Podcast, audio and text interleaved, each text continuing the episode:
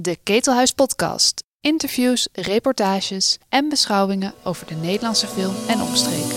Willkommen, bienvenue, welkom. Ich hab noch einen Koffer in Berlin. En alleen de vogels vliegen van Oost naar West-Berlijn. Ich bin ein Berliner. Der Goldene Bär für den besten Film. I can't see you, but I know you're here.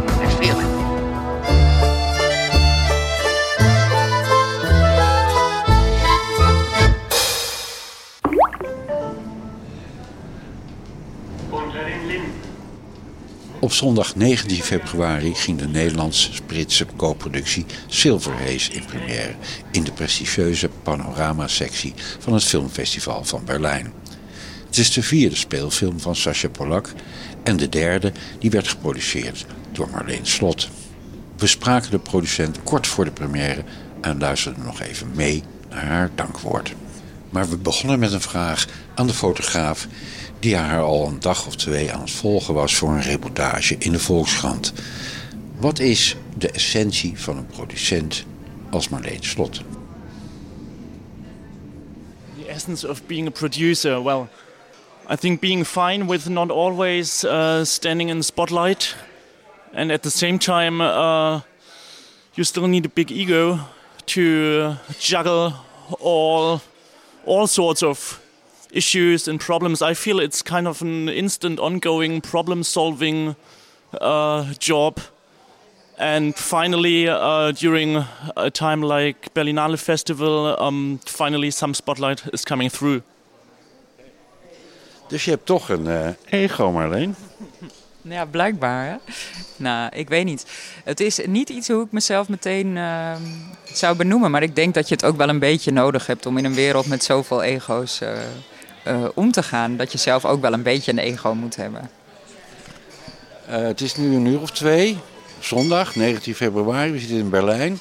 En over een uur of twee gaat Silver Haze in première, in wereldpremière. Hoe voelt dat? Ja, ik ben echt heel zenuwachtig. Ik blijf het toch altijd echt zo spannend vinden. En ik, heb, eh, ik ben al weken, of eigenlijk maanden denk ik, bezig met de voorbereidingen. Dus ik weet dat het allemaal goed gaat komen. Maar toch is het zo kwetsbaar, de eerste keer dat je film de wereld in gaat. Dus, maar kijk er ook heel erg naar uit. Waar ben je dan precies zenuwachtig voor? Of, ze het, of men het goed vindt?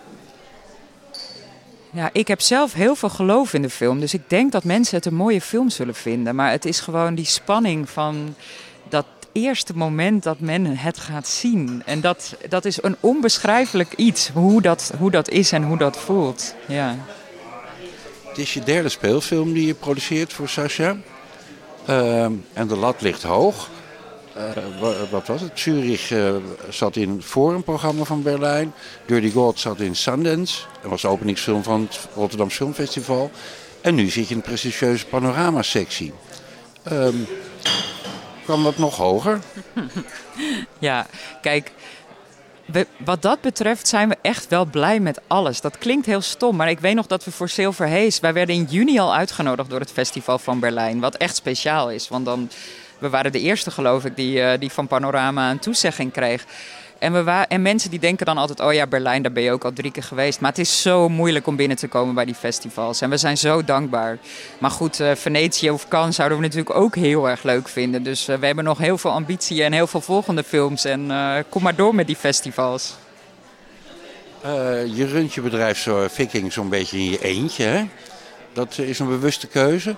Ja, heel bewust. Ja, ik, eh, ik voel me er eigenlijk best wel goed bij om het zelf te kunnen doen. Soms is het, eh, is het pittig. Het is niet altijd makkelijk om altijd maar alleen te zijn. Maar ik zoek mijn partners bijvoorbeeld ook echt in mijn internationale co-productiepartners waar ik de films mee maak. En daar deel ik lief en leed mee. Ehm, en ik vind het overzicht en de controle en de liefde en aandacht die je kan geven aan de films op deze manier heel erg prettig. Ik heb me wel eens laten vertellen dat het een van de problemen van grotere productiebedrijven is dat ze eh, eh, films te snel moeten afmaken om voor voldoende cashflow te zorgen. Dat probleem heb jij dus niet? Nou, die cashflow is gewoon een probleem van de hele sector. Ik, ik heb daar ook echt heel erg veel last van.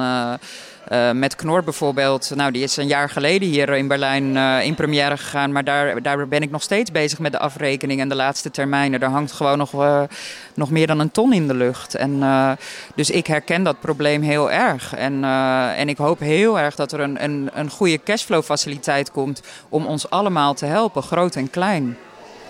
Ik weet nog dat jaren geleden Doreen Bonenkamp bezig was om vanuit het Filmfonds ook een soort bank van leningachtige constructie te, te, creëren. Maar dat is er nog niet van gekomen dus. Nee, maar daar zijn, is men nog steeds wel mee bezig. En ik hoop het echt, want het is gewoon super belangrijk. Uh, om goede films te kunnen produceren hebben we gezonde bedrijfsvoering nodig. Hè? En dat, dat kan gewoon uh, door, door zo'n cashflow faciliteit. Dus um, ja, het zou, het zou voor ons allemaal heel erg goed zijn, denk ik. Hoeveel geld is daarvoor nodig? Oh, dat weet ik niet. Ik ben er een beetje uit. Hè. Ik ben niet meer die voorzitter van de NAPA. Dus dat soort dingen heb ik niet helemaal op mijn netvlies. Dat moet je aan Doreen vragen.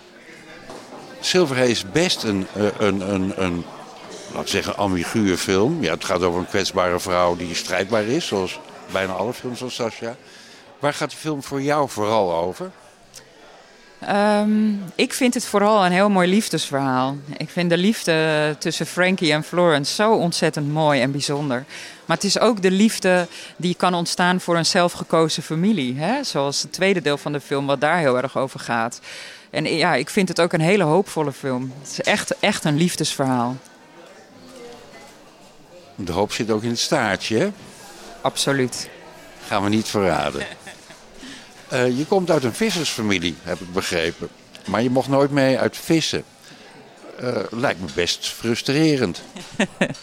nou, ik, eigenlijk stiekem ben ik ook een beetje zeeziek. Ik heb wel eens een film gedraaid op een boot op zee. Toen moest ik de hele tijd liggen omdat ik zo misselijk was. Dus misschien is het wel heel verstandig geweest.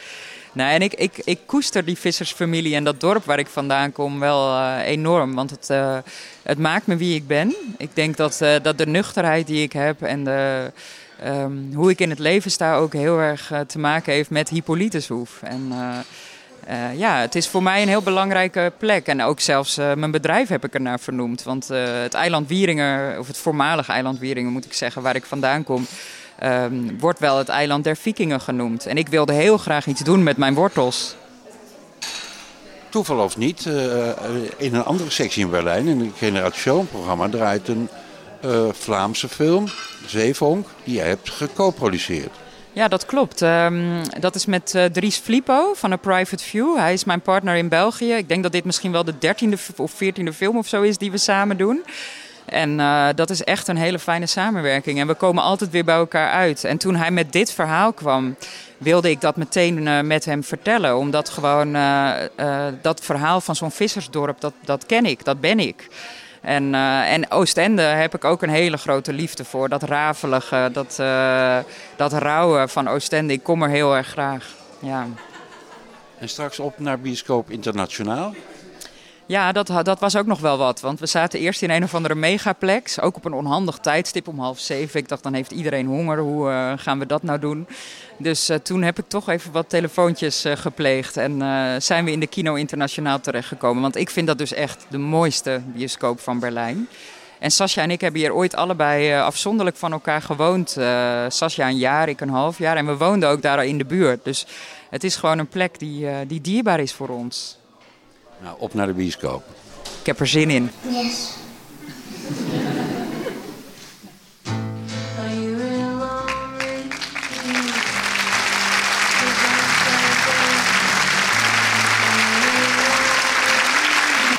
Welcome the producer Marlene Slot.